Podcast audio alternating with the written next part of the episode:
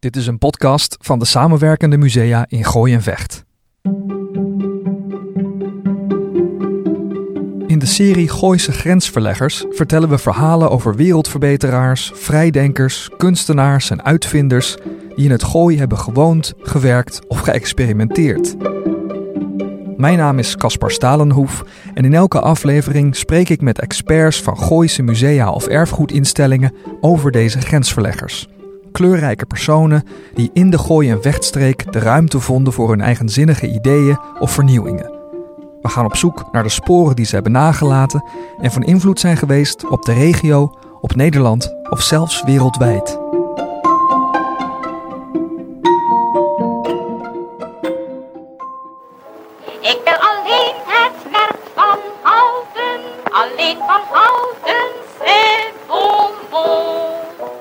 Wat je nu hoort, komt uit een reclame uit 1934 voor het chocolademerk Van Houten. In die tijd, in de jaren 30, produceerde Van Houten al meer dan 80 jaar chocola in Weesp. Op een fabrieksterrein dat almaar groter was geworden, waardoor ook de gemeente Weesp flink was meegegroeid. Zoals bijvoorbeeld Eindhoven Philips had, zo had Weesp Van Houten. Met ook net zo'n internationale afzetmarkt. Tot er in de jaren 70 een einde kwam aan de chocoladefabriek. Hoe Van Houten uitgroeide van een winkeltje in de Amsterdamse Jordaan tot een wereldmerk met een enorme productie in Weesp, daarover gaat deze aflevering van Gooise Grensverleggers. Aan de basis van het succes van Van Houten ligt een baanbrekende uitvinding. En die kun je nog altijd op verpakkingen van cacaopoeder teruglezen. Dutching of Dutch Process. En dat ging zo. Casparus van Houten had vanaf 1805 een winkeltje in de Jordaan.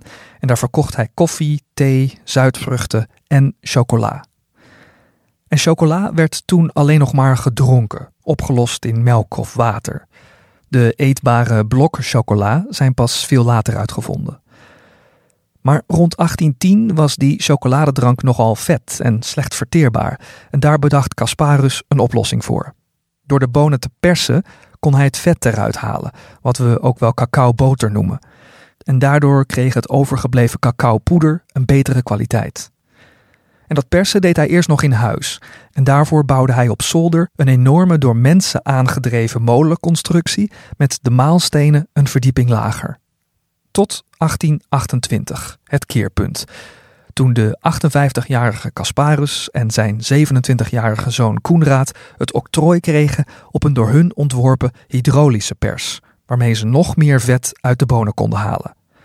Zo werd het cacaopoeder samen met de toevoeging van alkalische zouten nog beter oplosbaar en langer houdbaar. En dat staat dus nog altijd bekend als Dutch Process. Vader en zoon van Houten hadden goud in handen. Tien jaar lang hadden ze het octrooi op deze techniek en dus voorsprong op de concurrenten. En door het succes moesten ze op zoek naar een grotere locatie. Voor het produceren van de cacao waren ze op zoek naar een stoomfabriek. Heel dichtbij, Amsterdam, bleek die in Weesp te koop te staan. Een oude stoommachine van een wasserij.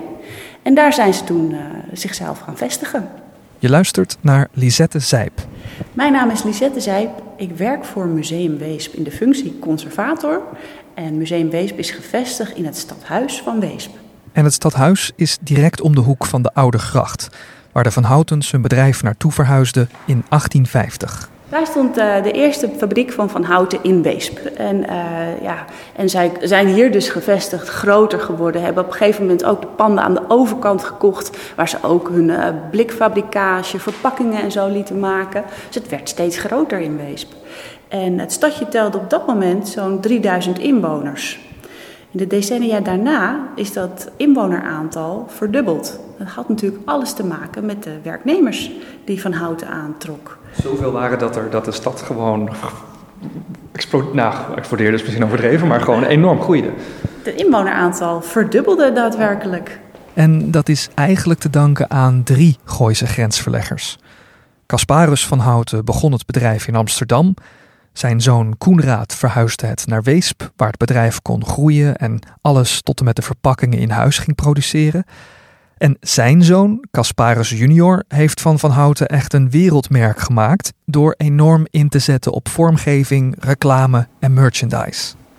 Museum Weesp heeft een fantastische collectie van Van Houten. Uh, op het gebied van affiches, blikken, merchandise, uh, de historie, uh, boeken, munten. Je kunt het zo gek niet verzinnen. We hebben een ontzettend grote collectie van Van Houten. Er wordt soms wel eens gesproken over het Van Houten Museum. Ja, onze collectie gaat natuurlijk heel erg over het uitdragen van dat merk. Dus vandaar dat we daar uh, ja, deze prachtige kleurrijke affiches vaak vormgegeven door toonaangevende vormgevers uit die tijd. En deze verpakkingen waar we er ontzettend veel en mooi van hebben, die willen we gewoon laten zien aan ons publiek. En niet alleen de verpakkingen werden mooier vormgegeven, onder leiding van Casparus junior. Hij zorgde ook voor wereldwijde reclamecampagnes. Het is werkelijk waar ongelooflijk hoe zij in die tijd alles wat mogelijk was hebben aangegrepen om hun product te verkopen. Ja. Want het was niet alleen de verpakking. Ze stonden op wereldtentoonstellingen. Ze waren werkelijk waar over de hele wereld te zien op grote billboards, op muurbeschilderingen, op trams, op bussen. Of je nou in Londen was, in Gibraltar of in Dubai. Het maakt niet uit waar je was. Je zag van houten ergens op een gevel of op een bus voorbij komen. Ja, zo groot is dat merk dat dat wereldwijd echt als een international, eigenlijk nu, of een multinational, uh, overal te zien was. Absoluut, wereldwijd bekend en dat gewoon uit Weesp. Ik wilde eigenlijk even naar, de, ja, naar, naar deze, wat dan hier te zien is. Dat is toch meer echt ja, wat je dan merchandising kan noemen. Ja. Um, allerlei dingetjes waar de naam van Houten op staat. Verzamelplaatjes. Er zijn wel 250 series verzamelplaatjes. Tegenwoordig kennen we dat natuurlijk heel veel van uh, Albert Heijn bijvoorbeeld is er heel goed in. Het verzamelen van allerlei merchandise. Maar uh, Van Houten, kan ik je vertellen, was daar al ver voor die tijd heel erg goed in. Dat is toch gek te bedenken. Dat dat toen al, dan heb je het dus over begin 20e eeuw, denk ik hè? Zo. Ja, ja, toen al inderdaad. De kinderen wilden toen ook heel graag die plaatjes verzamelen. En uh, vandaag de dag zijn die kinderen al heel groot en volwassen. Dat zijn groot verzamelaars nog steeds van die plaatjes van toen. Dus is er nog steeds een markt voor waar mensen ja. dit soort spullen van Van Houten uh, in hun verzameling uh, compleet proberen te krijgen. Helemaal, vooral, vooral die plaatjes. Maar er zijn ook heel veel andere leuke merchandise, zoals sleutelhangers die, uh, in, ja, met verpak, kleine mini-verpakkingen van producten van Van Houten. Of spelletjes die zij maakten. Bonbondozen in de meest mooie vormen, kleuren, vormgegeven door vooraanstaande vormgevers. Maar ook complete serviezen met Van Houten, koffie- en thee-serviezen. Ja, je kan zo gek niet bedenken of zij hadden daar uh, iets wat je kon verzamelen. Ja, dus uh, niet alleen een grote fabriek hier in Weesp om het te maken, om het te verpakken, om het uh, aan het publiek te laten zien, reclame. dit zijn heel veel posters. maar daarnaast dus ook een hele lijn van ja, hebben dingetjes eigenlijk om dat merk maar aan de man te brengen. Er zijn eigenlijk twee thema's uh, wat je kunt benoemen waarom Van Houten groot is geworden en grensverleggend is geweest. Eén is het uitvinden van de cacaopoeder, waardoor het langer houdbaar was en over de hele wereld verkocht kon worden. En twee, dat is de manier waarop zij dat wisten te verkopen door hun reclameuitingen en door hun merchandise. En wat grote merken nu nog steeds doen, en Van Houten toen ook, is het verbinden van beroemdheden aan hun merk. Museum Weesp heeft talloze afbeeldingen van reclameuitingen waarvoor filmsterren waren gestrikt, al in de jaren 20 en 30. Ja, wereldberoemde filmsterren in die tijd. En uh, in die tijd waren filmsterren ook echt heel beroemd. Hè? En dat zijn niet de minste hoor. Dat zijn bijvoorbeeld uh, Laurel en Hardy. Die, uh, die daaraan meededen.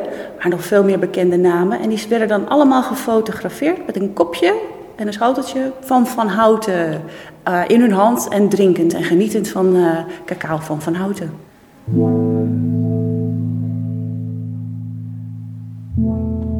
Waardoor het enorme succes van Van Houten ook budget voor was, dat noemen we tegenwoordig maatschappelijk verantwoord ondernemen. Want Van Houten voerde rond 1900, zeker voor die tijd, een sociaal progressief beleid voor het personeel. En dat bestond uit een grote variëteit van geschoolde en ongeschoolde werknemers. Denk aan inpakkers, wegers, opzichters, cacaobranders, drukkers, typografen, metaalbewerkers, transporteurs en administrateurs. Opgeteld een kleine duizend mensen. En daarvoor werd van alles georganiseerd. Naast natuurlijk een, een heel schappelijk goed loon en een achturige werkdag, werd er daarnaast ook nagedacht over dat die werknemer zich uh, gelukkig moest voelen.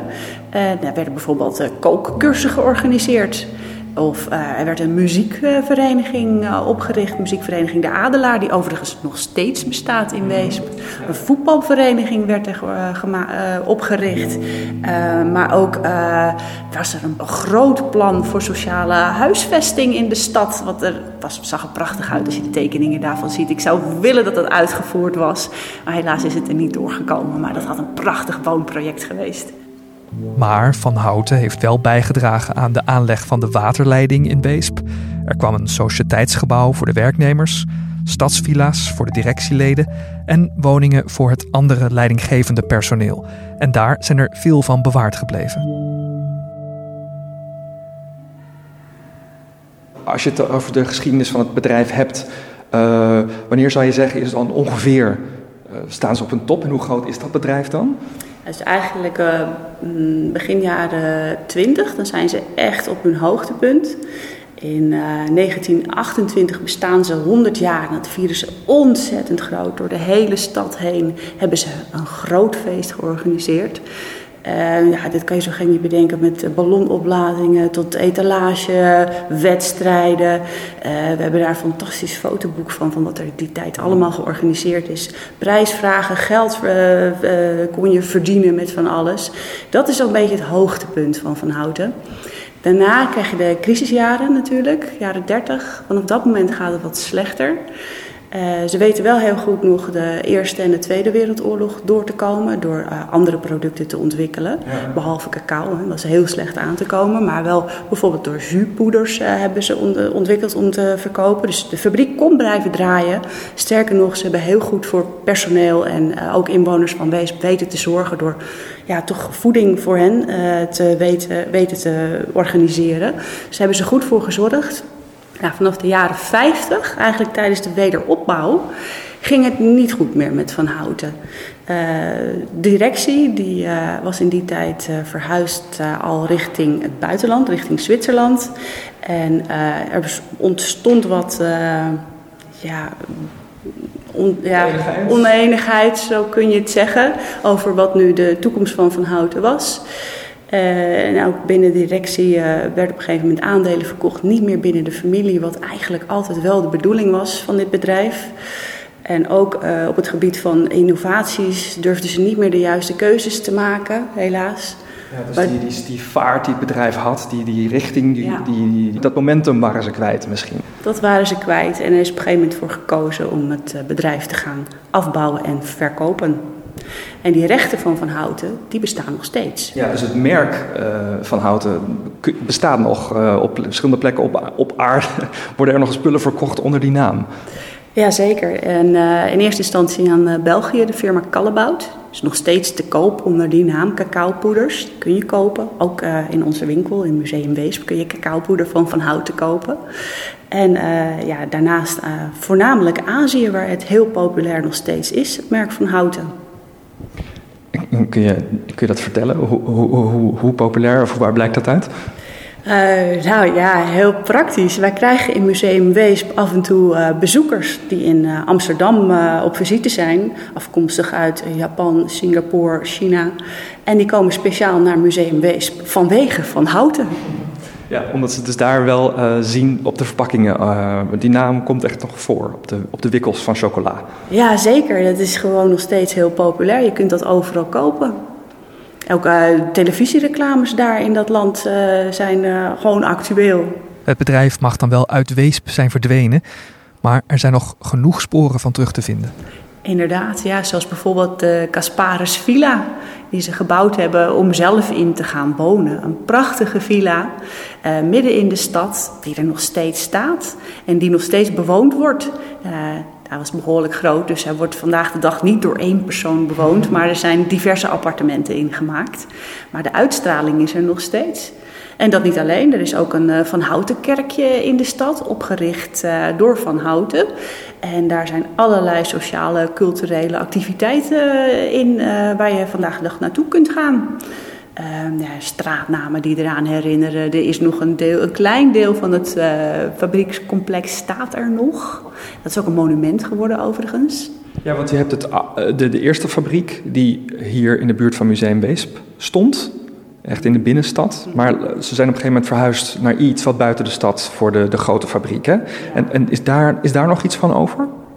Ja, daar is dus nog dat ene kleine deel van over. En dat is nu een, uh, een monument geworden. Ah, ja, ja, precies. Ja. ja. En dat heet nog steeds het Van Houten Industrieterrein of zo. Zo heet het nog steeds, klopt, ja. ja. Precies, dus ook in die zin leeft het daar. Die naam Van Houten is onlosmakelijk met de stad Weesp verbonden. Zelfs na 50 jaar, want het bestaat uh, dit jaar eigenlijk 50 jaar niet meer... ruikt het in de stad nog altijd een beetje naar cacao.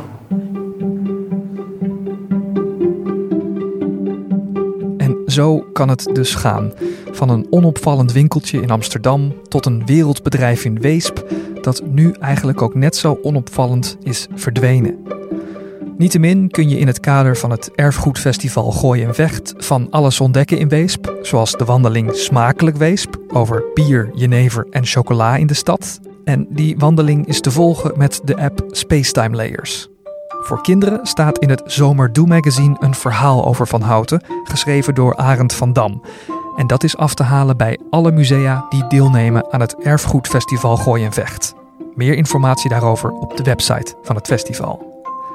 Dit was het voor nu. In deze aflevering sprak ik met Lisette Zijp van Museum Weesp en mijn naam is Caspar Stalenhoef. Wil je meer verhalen horen over Gooise grensverleggers? Zoek dan naar de podcast in Spotify, Apple Podcasts of een andere podcast-app waar ook de andere afleveringen verschijnen. Bedankt voor het luisteren.